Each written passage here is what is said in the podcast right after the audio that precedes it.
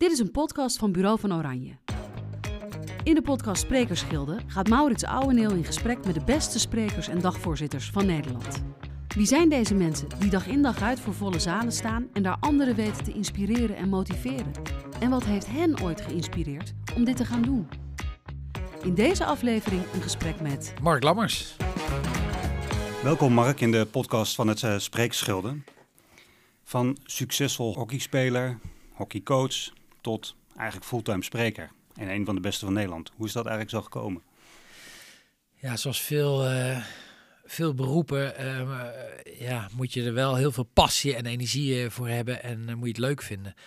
Ik was vroeger van school afgestuurd en ik was zwaar dyslectisch, dat wist ik niet. Maar later kwam ik erachter dat ik misschien niet zo goed in lezen en schrijven ben, maar wel goed in praten. En door je daar de creativiteit met taal en dat ook mijn teambesprekingen waren vaak inspirerend, zeiden spelers. En toen werd ik een keer gevraagd na een wereldkampioenschap, werd ik gevraagd door de Rabobank van kun je eens komen uitleggen aan onze managers. En ik dacht, ja, waar moeten die nou? We hebben die nou aan, een sportverhaal.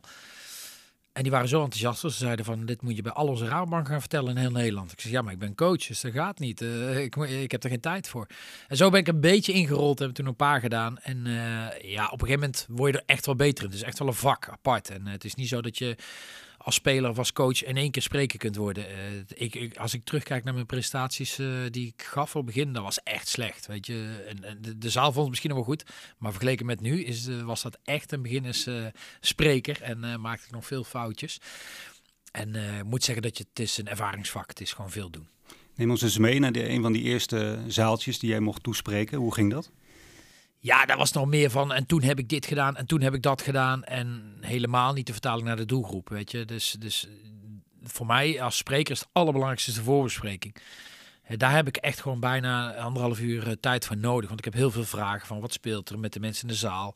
Wie zijn je concurrentie? Uh, welke excuses hoor je? Ik, ik wil gewoon heel veel weten van het bedrijf waar ik dus op in kan springen. En daar maak ik mijn verhaal op. Waarbij ik vroeger echt gewoon mijn eigen verhaal vertelde. Uh, wat ik als doelen stellen. En ja, eigenlijk een beetje allemaal inkoppers die, die ook wel interessant waren. Uh, die voor mij normaal waren, voor anderen misschien toch wel een, eye-opener waren. Maar uh, het was niet inspirerend genoeg, vond ik toen de tijd. om, om, om er echt ook ja, een beroep van te maken. En dat is later wel gebeurd hoor. Door, door steeds beter te worden. Door ook zelf trainingen, coach de coaches. Ik heb coaches gehad die mij weer hebben beoordeeld en, en, en of beoordeeld, uh, mij geholpen hebben met een stukje coaching in het presenteren. Ja, en dan leer je het, uh, het vak uh, langzaam wordt steeds beter. Als je kijkt naar sporters, hè, vaak worden sporters gevraagd om op het podium wat ja. hun verhaal te gaan vertellen. Je geeft net aan dat is ja. allemaal best wel lastig. En aan de begintijd was dat echt niet zo, zo heel goed. Laten we twee dingen eens even uitlichten. Waarom willen mensen graag naar sporters luisteren? Nou, ten eerste is het een bekende activiteit geweest uh, die vaak heel goed meetbaar is. Hè. In de sport is alles meetbaar. Je, je ziet gewoon op een bepaalde manier van coaching werkt ja of nee. Het is heel transparant. Als een coach niet goed is, dan hoor je dat, wordt je ontslagen en zeggen de spelers het was, uh, het was een hiërarchische hufter. Uh, en als mensen zeggen, oh die coach was inspirerend. Dus, dus het is heel meetbaar, heel transparant. Zo open zoals er over de kwaliteit van een leidinggevende wordt gesproken in de sport, wordt in het bedrijfsleven niet over gesproken. Plus het is vaak in bedrijven niet zo meetbaar. Dus je ziet heel erg dat, dat sport heel makkelijk te vertalen is naar, uh, naar bedrijfsleven. Want uiteindelijk zijn het wel topprestaties zo'n bedrijf moet leveren. Je moet je onderscheiden ten opzichte van concurrentie. Dat doen we in de topsport ook. We moeten doelen stellen, want ja, hockey zonder doelen dat blijft heel erg saai. Dus ook zo'n bedrijf moet doelen stellen. En, en, en, zijn het dan de doelen van de spelers? Zijn het de doelen van de baas? Weet je, dat soort vergelijkingen zijn heel makkelijk. En sport is vaak transparant. Iedereen is erbij betrokken. Uh, je ziet het vaak op televisie. Dus veel emotie rondom. Waarbij andere takken vaak minder uh, belicht zijn en dus ook minder meetbaar zijn. Ja, nu zijn niet elke sporters, hè, geef je net zelf aan, ja. uh, allemaal niet zo goed. Kunnen heel goed sporten, maar die kunnen niet heel goed praten. Maar ja, weten toch uiteindelijk, uh, zoals jij ook, een flinke boterham mee te verdienen. Hoe wist jij dat jij hiermee je geld wilde verdienen en ook kan verdienen? Nou, eerst was het niet wilde. Ik heb denk ik heel mijn leven nog nooit echt een carrièreplanning gedaan. Ik heb nooit gezegd ik word bondscoach of ik word spreker. Nooit over nagedacht. Ik, uh, ik kon niet zoveel vroeger op school, want ik had veel onvoldoendes omdat ik die dyslexie had. En uh, op het SIOS, uh, sportopleiding, kreeg ik voor het eerst van mijn leven een rapport. En dat was een acht voor training geven, lesgeven. En er zat geen lezen bij, dus ik dacht, hé, hey, ik kan wel iets. Dus ik leerde al snel, je, als jij heel veel dingen niet kunt, weet je ook wel wat je wel kunt. Veel kinderen hebben het vaak moeilijk omdat ze gewoon heel veel dingen goed kunnen. ik kon eigenlijk maar een paar dingen goed. was training geven, ik kon goed presenteren, ik kon storytelling was ik goed in, verhalen vertellen.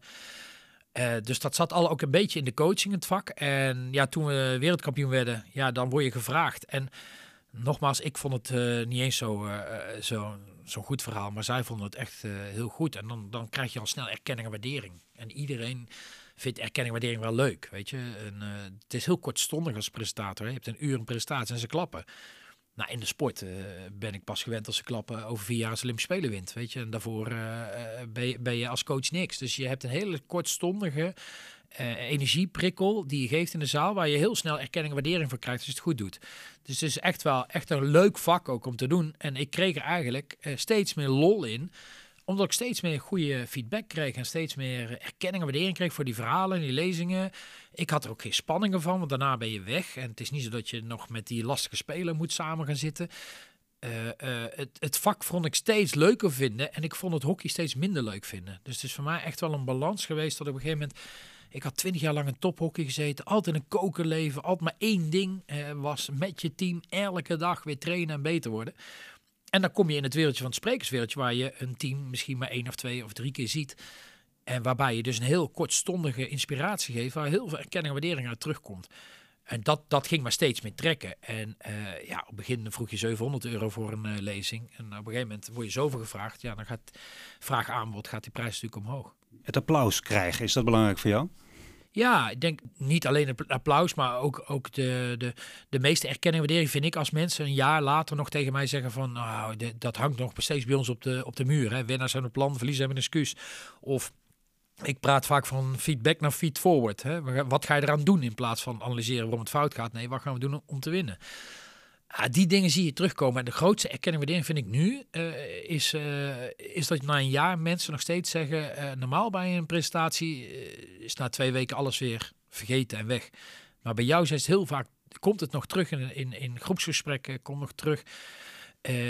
aan de muur hangt het nog. En dat is wel de grootste erkenning waardering. Maar op korte termijn is dat applaus wel, ja, vind ik wel. Dus zelfs in topsport, die erkenning waardering is gewoon leuk. Ik denk dat je ook in het bedrijfsleven veel vaker als er een verbetering is. Uh, ik vind ook dat je moet verbeteringen vieren, niet successen.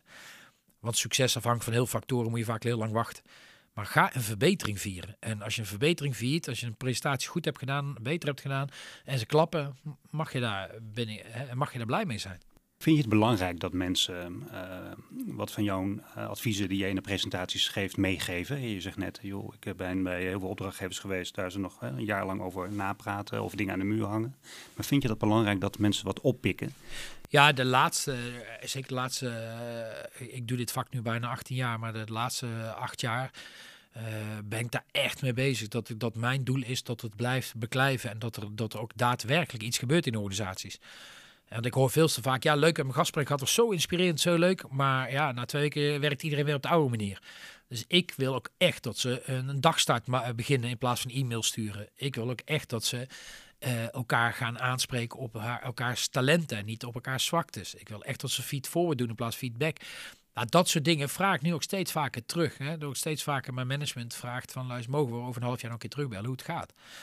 Dus we hebben ook nog daarin, uh, vind ik dat als spreker, dat je ook een stukje nazorg hebt. En ik stuur nog wel eens filmpjes uh, naar die teams toe met kerstmis van, uh, hey, daar ben ik weer. hoe is het met jullie plan?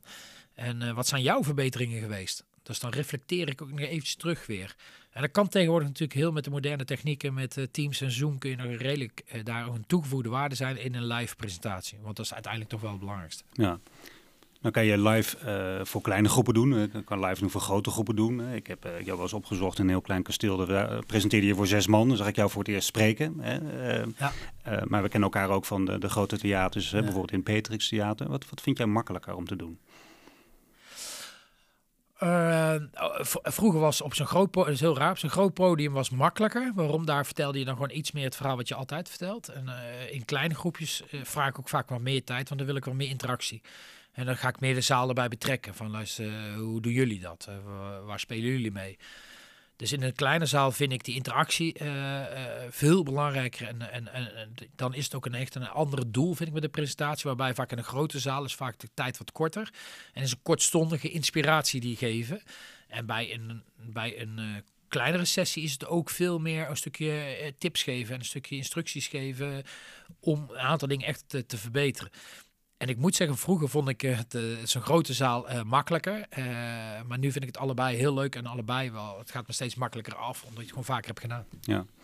Als jij in jouw presentatie zegt, gebruik je best wel veel emotie, hè? Ja. Je stemverheffing. Ja. zijn dat de technieken die jij als coach ook gebruikt? Ja, het, het, viel mij altijd op bij welke coach of welke leraar zijn mij bijgebleven als ik terugkijk ook naar school. Dan waren het de leraar die verhalen vertelde. Was niet de leraar die mij het beste iets geleerd heeft, maar die leraar die mij verhalen vertelde. de coaches die echt mij uh, raakten op een bepaald vlak. Mij raakten en, en voor mij was in slechte, moeilijke tijden. Dus ik, ik, ik heb geleerd ook goed kijken naar andere coaches. En wat, wat heb je daar? Ja, en dan ga je kijken wat past bij mij. En ik ben een redelijk emotioneel uh, coach, maar ook wel van de data. Dus ik ben alles een beetje, uh, en ik probeer het allemaal toe te passen, uh, ook in mijn presentaties. Dus ik ga ook de digitale kant promoten en ook de datakant promoten. Maar ook dat je als coach er moet zijn voor je mens. En daarin is tonatie belangrijk. je, je, storytelling vertel je niet op monotoom. Dan, dan moet je echt je stem gebruiken, dan moet je je buik gebruiken. Dan moet je stiltes gebruiken, maar ook af en toe heel snel praten. En ben jij dan wie je bent? Ben jij zeg maar, thuis ook zo? Nee, nee, thuis zeggen ze wel eens van uh, op podium ben je echt wel nog honderd keer energieker. En het is ook natuurlijk, moet in een uur moet je proberen je verhaal te vertellen. En je bent vaak heel, ik, tenminste ik ben heel enthousiast over de stof die ik vertel. En dat vind ik gewoon leuk om te vertellen. Waarbij thuis daar iets rustiger in ben. Maar ja, je moet ook in een uur die energie tonen. En kijk, of zo'n presentatie wel of niet lukt, heb ik geen 100% invloed op. En er kan zoveel dingen gebeuren. Waar ik wel 100% invloed op heb, is op mijn eigen gedrag. Mijn houding. Hoe sta ik erbij? Ik ga niet achter katheder staan. Ik sta, ik loop, ik toon energie. Uh, ik heb wel eens training gegeven aan mijn uh, hockeyteam. En uh, dan zei ik de hele training niks. En ik stond stil op de training. Met mijn handen in mijn zak. Een week later doe ik dezelfde training. Maar veel meer in beweging en energie. Met tonatie, met storytelling. En de hartslag was 12 slagen hoger van de groep gemiddeld. Dus dat was voor mij wetenschappelijk bewezen dat als ik energie toon, heb ik grote kans dat er van de zaal van de 100 gaan er 80 mee. En dan zullen er altijd 20 zeggen, wat een druk te maken. Weet je, en, en, dat is ook goed, uh, want er zijn altijd verschillen. Maar uiteindelijk de groot gedeelte van de zaal wil iemand hebben die energie toont en die enthousiast is. En die, uh, ja, in een goede prestatie uh, moet je ook mensen raken. En het is niet alleen maar tips geven, maar het is ook raken en ook humor. Dat is ook belangrijk. Ja jouw presentaties gaan vaak over onderwerpen als uh, leiderschap, coaching, teambuilding, motivatie. Hè? De dingen waar je natuurlijk als coach ook vaak mee, uh, mee bezig bent. Um, maar het onderwerp innovatie, dat staat ongeveer synoniem met jouw naam. Ja, ja daar, daar komt een beetje. Dat heeft ook weer met dyslexie te maken. Als je toch kijkt, ook. Dyslecten zijn mensen die heel creatief dingen oplossen. En, en dat heeft altijd al in me gezeten als hockeyer. Was, kwam ik met de nieuwste innovatie en nieuwste ideeën. Als iemand zei dat kan niet, dan dacht ik, ja, dat moet toch wel kunnen. Weet je, er is er een andere weg. En ik ben altijd heel nieuwsgierig. Ja, dat is overgaan van het hockey naar het coachen. En in het coachen is daar, zijn er heel veel bekende dingen gekomen. De videobril, toen was de eerste met een driedimensionale videobril. Uh, we waren de eerste met drones boven het veld. Uh, die, die bestonden nog niet, maar wij hadden ze al. Uh, ja, er zijn zoveel innovaties gekomen in de sport. En daardoor krijg je naamsbekendheid. En innovatie is niet makkelijk, want innovaties is ook in het bedrijfsleven, betekent wel begin weerstand. Weet je? Want iedereen zegt, hoezo, we doen het al jaren zo, waarom moet het nou weer anders? Uh, je betekent met kinderziektes. Niet elke innovatie gaat meteen goed. Uh, je hebt te maken met, ze gaan je kopiëren. Dus een bepaalde fases van innovaties. En ik vertel meer over die fases. En dat je dus fouten uh, mag maken en dus moet experimenteren, wil je innovaties toepassen. En dat hele proces wordt vaak onderschat in het bedrijfsleven. Dan hebben ze hele mooie innovatie, maar brengen ze het fout. En als je, eh, je moet goed weten dat mensen die willen best veranderen, maar mensen willen niet meer veranderd worden.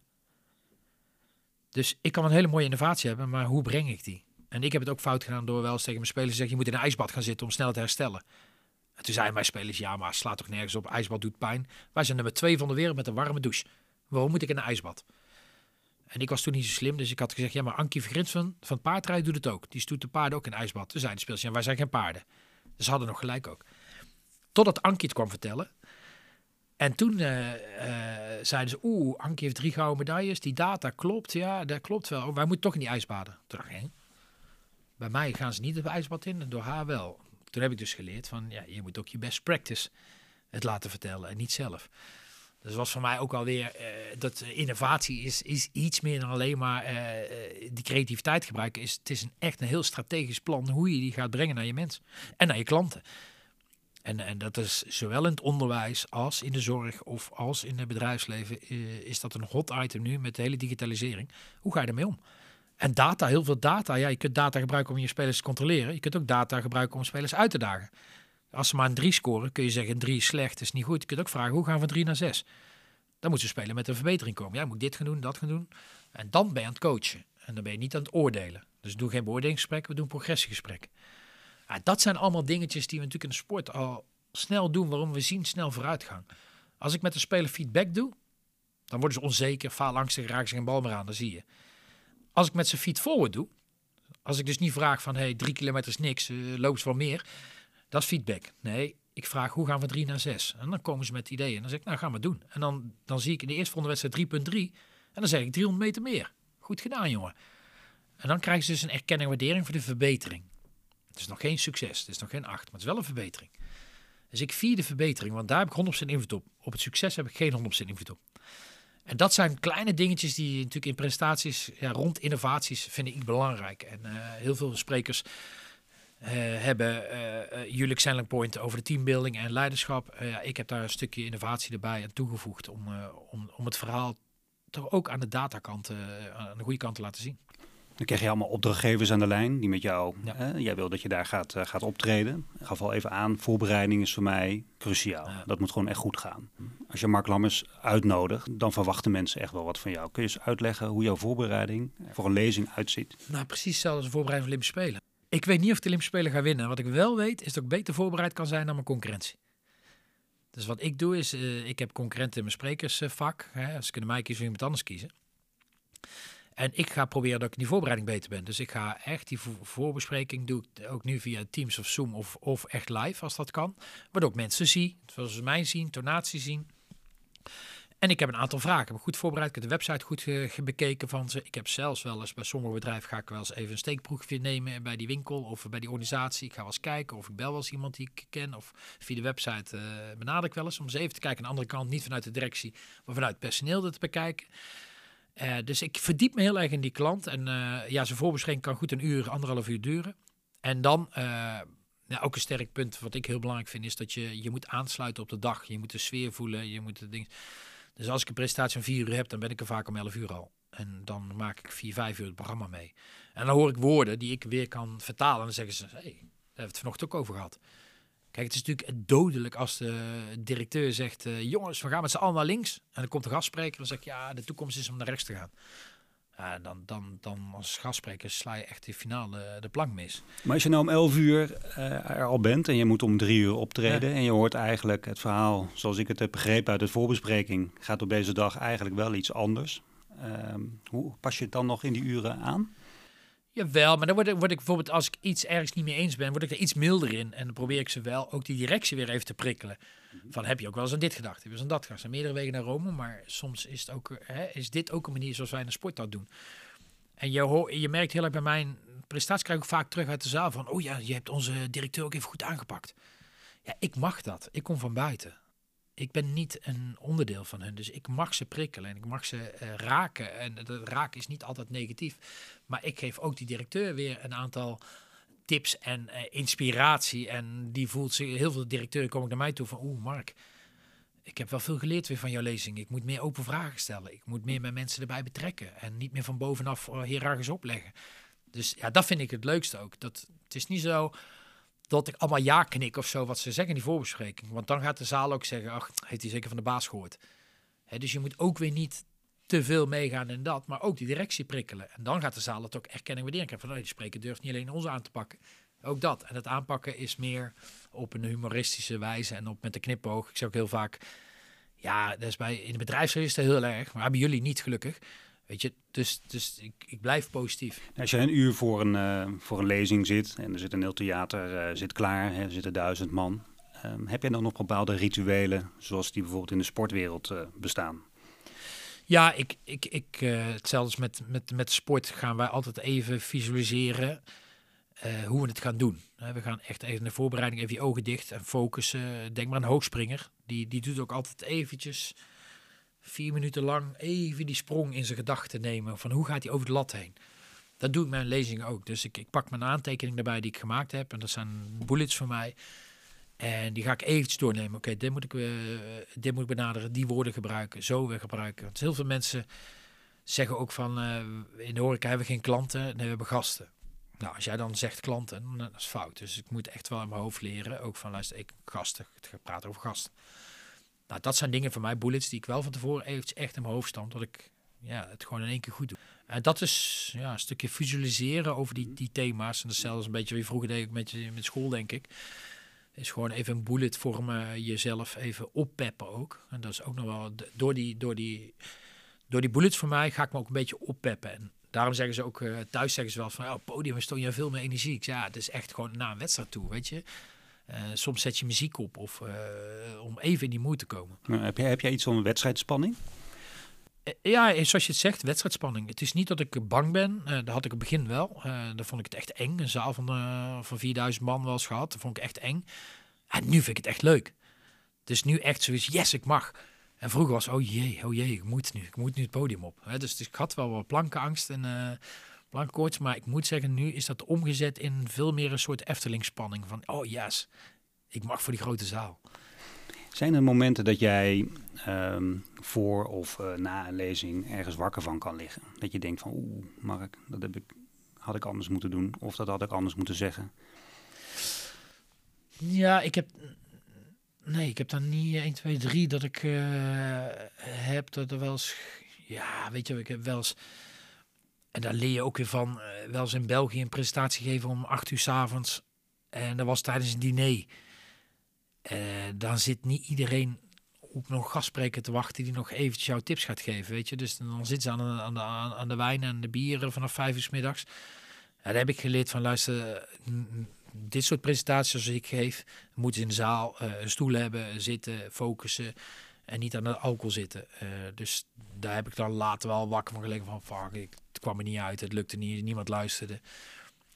Uh, maar is voor mij ook meteen weer, oké, volgende keer in uh, contract bespreken is s'avonds. Vragen, uh, wat voor setting is het? Is het in een dinervorm? Is het in, in dat? En anders doe ik het gewoon niet meer. Weet je, dus je gaat ook wel keuzes maken. Van het, moet, het moet wel kwaliteit opleveren. En het gaat mij dus niet om, om er geld te verdienen dan op zijn avond. Maar het gaat echt om het over een jaar er nog over hebben. De omgeving waar jij in moet presenteren moet ook perfect zijn. Ja, dat is zelfs op een, in de stadion wil je ook op een goed veld spelen. En wil je dat, dat alles naar jou kijkt. En uh, niet dat, dat je tijdens een hockeywedstrijd nog een optreden van, van een bekende zanger doet. Weet je, dan kijkt iedereen naar die zanger. Dus, dus je, je moet wel proberen die focus zo te regelen. En ja, ik denk wel, mijn, mijn, mijn, een nachtmerrie is, is wel die geweest in België. Weet je, dat er gewoon maar, maar vijf, zes mensen van de honderd mensen luisteren en de rest zit gewoon door te drinken en te praten. Dat is echt lastig, weet je. Dan, dan is die erkenning, waardering heel erg weg. En, en dat heeft te maken ook wel met de omgeving. En daar heb ik mezelf ook meteen kwalijk genomen. Ik heb het uh, die dus niet goed voorbereid. Want ik had ook moeten vragen van luister, uh, uh, gaat, wordt er nog eten gereserveerd, ja of nee? Als daar borden in en uit gaan, ja, dan zit niemand meer te luisteren. Reken je dat zelf aan, dat, ja. dat jij de voorbereiding dan niet goed hebt gedaan? Ja, dan, dan, dan ben ik boos op mezelf. Dan, dan, en dat gaat me, gebeurt me niet nog een keer. Dus er zijn heel veel dingetjes wel gebeurd die daarna niet, niet snel meer gebeurd zijn. En uh, dat wel zo'n aanvraag binnenkomt van ja, is, ik kom wel, maar dan gaan we niet uh, aan een staantafel working dinner doen. De bar is dicht, er wordt niks geserveerd en dingen en het liefst zit ik gewoon in de zaal. Dus dan hebben we, en, en dan gaat het ook goed. Hoe, hoe ga je om met, met, met, met feedback, of ze nou positief of negatief zijn? Trek je dat goed? Nou, ik denk dat iedereen het wel even pijn voelt. Ik heb natuurlijk als coach ook altijd zoveel media gehad. ze hebben mij heel lang, toen we tweede werden, hebben ze mij Mark Jammers genoemd ja, dat doet dan wel pijn. Weet je, kritiek doet altijd een beetje pijn en een negatieve feedback is altijd een beetje pijnlijk. Maar ik heb dan altijd wel uh, dat het even moet ver, uh, verwerken. Misschien boos terug, boos ben in mijn gedachten. Maar de volgende dag merk ik toch wel van, oh nou, stel voor dat het toch nog 30% waar is. Wat had ik dan anders kunnen doen? En dat is natuurlijk ook wel weer van de topsport mentaliteit van, hey, eh, niet kijken waarom heb je verloren, waarom is zo fout gaan. Wat ga ik de volgende keer dan toch anders doen? Om het beter te maken. Ja, dus je leert van fouten. Ja, toch meer op die leerpunten. En, en van die fouten leer je ook. Maar ik ben redelijk perfectionistisch, dus baal daar wel van. En uh, dan krijg ik ook die kritiek dan en dan, dan doet het ook even pijn. Maar uiteindelijk zet ik het wel om in een actiepunt weer. Dus het is, het is wel dat ik dan even een dalletje kom uh, en dan weer uh, dat dus ook nodig heb. Uh, vroeger stuurde leren Engels mij van school af. En dan was ik echt zo verdrietig en ik stop ermee. Ik ga nooit meer naar school. Dag later zei ik tegen mijn moeder, mag ik nou alsjeblieft naar het de sportopleiding. Weet je, dan los je het toch wel weer op. Oh, ik moet gewoon niet meer naar school, maar naar een, een sportopleiding. En toen haalde ik wel goede punten. Dus, dus soms heb je kritiek ook wel nodig en is het ook juist goed dat het een beetje pijn doet. Alleen het mag gewoon niet te veel gebeuren, want dan word je echt onzeker en faalangst. Hey, iedere gast leg ik een vraag voor van een uh, goede bekende. Ja. En de vraag uh, voor jou is van Jessica van Wingenen. Ja, leuk. Als coach ben je altijd bezig met de vraag hoe je je spelers beter kunt maken. Dat heb je in het verleden veel gedaan. Mijn vraag aan jou, Mark, is: wat doe jij zelf om een betere spreker te worden? Hoe bereid je je voor en hoe blijf je jezelf opnieuw uitvinden? Ja, leuk. Leuk dat, uh, Jessica deze vraag stelt. Uh, en dat is heel veelzijdig. Ten eerste uh, zie ik zelf veel sprekers. En dan zie ik sprekers, en het maakt niet uit of het hele goede sprekers zijn of hele slechte. Ook bij hele slechte denk ik, oh, ik zou het zo doen, ik zou het zo doen. Dus dan leer je daar ook van. bij hele goede leer je natuurlijk heel veel dingetjes van. Ik kijk veel TEDx, ik luister veel podcasts, ook wat, jij doet, dat soort dingetjes luister ik ook. Ehm, ik blijf nieuwsgierig. Ik blijf naar elke ding kijken. En wat ik gewoon echt heel veel doe, is uh, heel veel vragen stellen in het bedrijfsleven. Wat speelt er nu? Nu is het uh, personeel het probleem. Eerst was corona. En nu het hot item is moeilijk aan talenten komen, je talenten behouden. Hè? Want je kunt wel drie nieuwe mensen aannemen, maar als er vier stoppen, dan heb je nog verloren. Hè, dus dus hoe behoud je personeel? Nou, dat, daar ga ik me in verdiepen. En dan ga ik zeggen, oké, en dan ga ik ook vragen aan het bedrijf van uh, waar ze lopen jullie scouts? Jullie hebben een HR-afdeling, maar zijn die in Delfzijl aan het kijken naar talenten? Wij kijken over heel Nederland naar talenten. En dan schrikken ze. En dan ik, nee, nee, nee, nee, we hebben sollicitatieprocedure uitstaan. Ik zeg, ja, maar ze komen niet meer. Dus je zult op zoek moeten. Je zult echt een scoutingteam moeten gaan starten. En iets verder moeten gaan zoeken dan alleen maar in de regio uh, Den Bosch waar je woont. Nou, dat, dat soort leuk, dat vind ik leuke dingen. En dat, daar uh, blijf ik mezelf in triggeren. Van luister, wat speelt er in het bedrijfsleven? Ik zeg altijd, waar je struikelt, ligt je schat begraven. En dat is ook yes, een crisis. Wij moesten Olympische Spelen spelen in China, was het bloedheet. En ik dacht, yes, een crisis. Want als wij ons beter uh, aanpassen in die omstandigheden, winnen de wedstrijd. En dat doe ik met bedrijfsleven ook. Waar struiken jullie over? Ja, personeel. Oké, dan ga ik daarop in. Dus ik probeer elke keer mijn uh, prestaties actueel te houden met punten die er nu spelen. Uh, het was eerst met corona. Van luister, hoeveel invloed hebben we op corona? Nul. Waar wel invloed hebben, snel mogelijk aanpassen. Thuiswerken, uh, blijven elkaar wel zien. Niet de camera's uit, camera's aan. Dat soort dingetjes allemaal. Dus, dus ja, wat ze zegt is van andere sprekers leren, uh, van goede en slechte sprekers leren. TEDx, op internet staat er heel veel uh, inspirerende sprekers met inspirerende verhalen waar ik ook weer ideeën van krijg. Hé, hey, dat heb ik met hockey ook meegemaakt. Dus dan moet ik mijn hockey ook mijn storytelling aan koppelen. Um, men, waar ik ook heel veel natuurlijk aan heb en mezelf blijf ontwikkelen, is aan, aan, aan, aan het vragen aan de klant: wat vond je ervan? ik vraag ook heel vaak aan de klant: ik heb nu een uur gesproken. Als je tien minuten eruit moest halen, welke tien minuten zou je dan uithalen voor je het minste? En welke 10 minuten moeten er zeker in blijven? zo blij, heb ik mijn prestatie ook in de loop van de jaren wel verbeterd. Uh, ik denk dat het vijf jaar geleden een heel ander verhaal was. Uh, maar de goede dingen zitten nog steeds erin. Heb je eigenlijk een leermeester in het vak uh, gehad? Je hebt verteld helemaal het begin van de podcast. Ik ben wel ermee geholpen. Ja, ik heb, ik heb uh, via uh, sportspeakers hebben wij een aantal, hebben onderling kijken we bij elkaar. En geven we elkaar ook feedback. Want heb jij gezien. Tom Egberts is wel eens een keer bij mij geweest. natuurlijk een ja, jarenlang uh, spreker bij uh, Studio Sport bij NOS. En die heeft ook mij twee, drie keer bekeken en uh, daar feedback op gegeven. Humberto Tam heeft een keer gedaan bij mij. dus zodoende um, blijf je ook jezelf coachen. En gewoon heel eerlijk gevraagd van vertel alles wat jij ziet en wat je vindt. Want ik, ik vraag jou om mij te analyseren. en welke spreker vind jij goed als jij naar andere sprekers kijkt? Ja, dat is toch vaak internationaal. Hè? Als je die ziet hoe die uh, Anthony Robbins uh, dat, dat doet. Uh, Zo'n hele zaal, de hele dag. dat vind ik knap. De energie, de tonatie, de, de, wat die storytelling doet. ja, daar leer ik ook van. Maar je leert ook wel van Mark Rutte, weet je.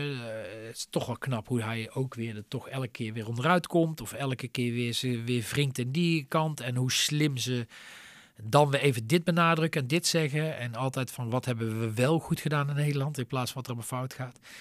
Dus ze zijn, sommige vind ik ook echt wel knap. En ja, helaas in de wereld is het ook heel knap, en dat is ook communicatie, dat er echt hele eh, gevaarlijke leiders toch die macht krijgen, hè, zoals Poetin en, en, Hitler.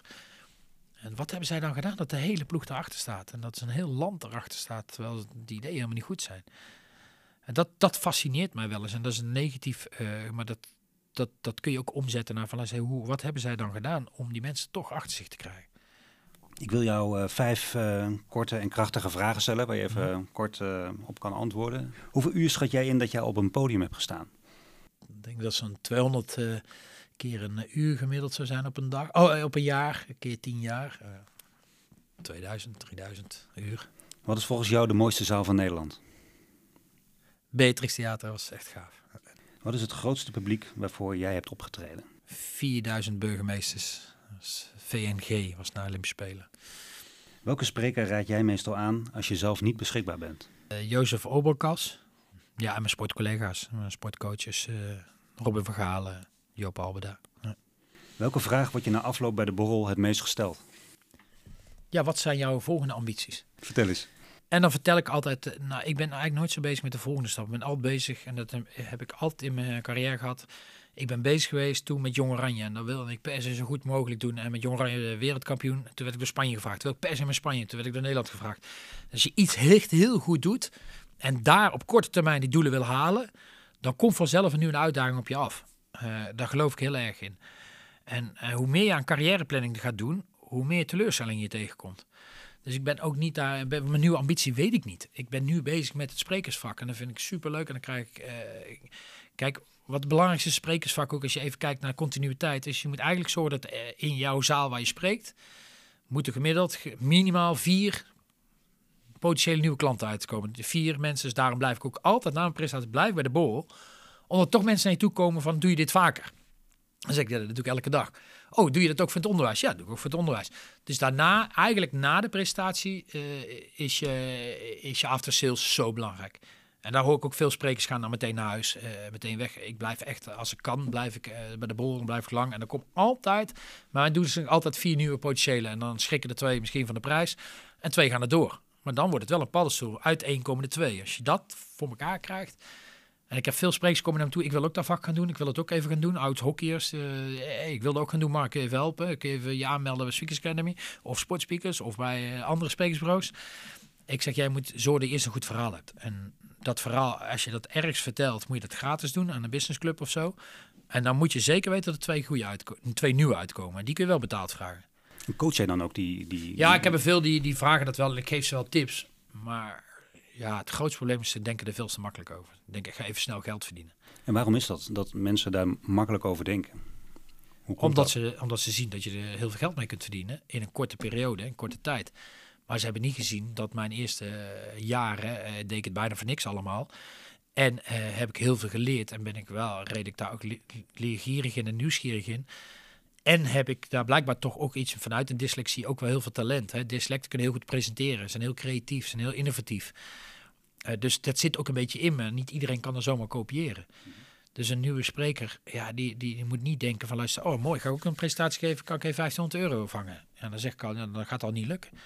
Want eh, is jouw verhaal waar is het gebaseerd? Dan heb jij natuurlijk een enorme legitimiteit uh, om op het podium te komen, omdat jij succes hebt gehad hè, met, mm. in de sportwereld, in de hockeywereld.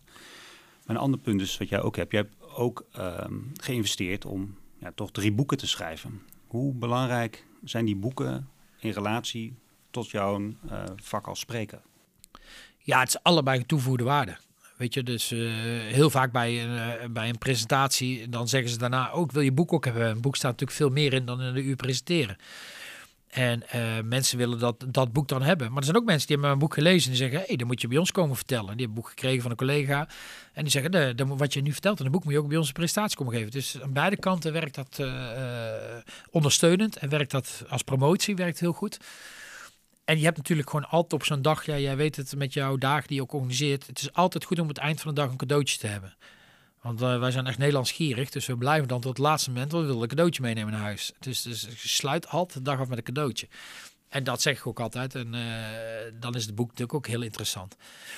Maar het is ook gewoon uh, mensen die vragen verdieping of die hebben ons vragen. En zeg nou, lees eerst even het boek. Als je dan nog vragen hebt, komt dan. Want vaak staan die antwoorden toch in het boek. En, dus het is aan beide kanten wel, ja, als spreker is wel een toevoegde waarde als je dat hebt. En niet voor de financiën, want ja, het wordt pas interessant als je er meer dan 10.000 verkoopt. Maar de meeste verkoop ik gewoon bij mijn prestaties. En dan, dan, dan kom je wel boven de 10.000. In de winkel wordt, wordt er niks verkocht. Hey, jouw levensmotto is winnaars hebben een plan, verliezers hebben een excuus. Wat betekent dat motto voor jou?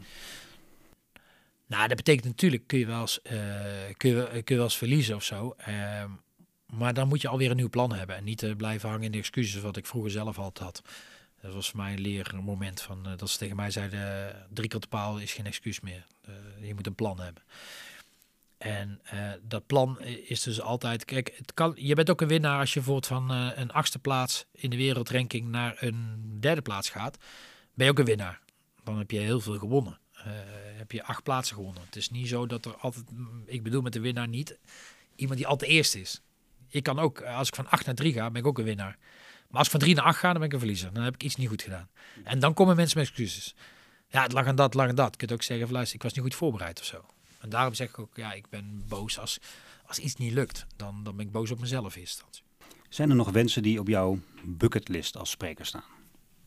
Ja, ik zei, ik zei, ja, ik, ik, ik, ik vind de internationale congressen, eh, die vind ik wel gaaf. Die zou ik wel uh, meer willen. En zeker in Amerika is natuurlijk het land van, van de TED Talks en dat soort dingen. Dat lijkt me wel een keer gaaf om een keer bijvoorbeeld een TED Talks uh, te doen in Amerika. Met jouw naam moet dat toch kunnen? Ja, dat weet ik niet. Ik heb daar nooit bij stilgestaan. En ik, ik volg zelf veel van die films, maar ik heb daar nooit... Ja, ik zou misschien eens een keer een management moeten vragen van hoe komen we daar kunnen komen. Maar vaak komen de mensen op je af en die zeggen, kun je dat een keer doen? Ik weet dat er in Nederland er een paar zijn. Maar dat, is niet te vergelijken met wat in Amerika. Eh. En staan er nog dingen op jouw bucketlist qua in de hockeywereld? Je bent net weer even een seizoen coach bij, uh, bij Den Bosch. Ja, ik ben nu momenteel coach van het eerste herenteam Den Bosch. En dat had een beetje mee te maken dat ik heb het acht jaar niet gedaan. Dus, dus ik had ook zoiets van, hey, ik vind het misschien wel echt wel heel leuk. En laat me weer eens even kijken hoe het is. En mijn club uh, zat met problemen dat ze geen uh, trainer-coach hadden. Dus ik, nou, ik spring erin met een hele jonge assistent. En ik moet zeggen dat ik het heel leuk vind. En ik weet niet wat, uh, wat daar de toekomst zou brengen. Maar ja, nogmaals, ik, ik, kijk nooit zo ver vooruit. Ik probeer echt dit jaar zo goed mogelijk te doen. En zien we wel weer. Maar het is, het is maar echt een kleine kans dat ik in het hockey nog een, uh, een fulltime functie ga doen. Daar, die, die kans, uh, dat zie ik niet meer zitten. Want ik heb het te veel naar mijn zin als, als spreker, als motivator, als workshops, trainer. Ik doe verschillende facetten. Dus niet alleen maar één presentatie van een uur. Ik doe ook wel eens een klas die ik vier jaar lang heb. Wat gaan mensen missen als jij niet meer optreedt? Boah, ze gaan een, een, een energieke uh, energiebron, uh, vulkaan missen om hun eigen ideeën en prikkels uh, positief te beïnvloeden bij zichzelf. Die gaan ze denk ik dan missen. En, maar goed, er zullen dan ook wel weer anderen komen die dat weer overnemen. Ik heb nog één vraag. Wat is de belangrijkste les die jij tot nu toe hebt geleerd? Dat ik nog nooit een wedstrijd heb gewonnen op mijn zwakke punten. Dankjewel. Dit was een podcast van Bureau van Oranje.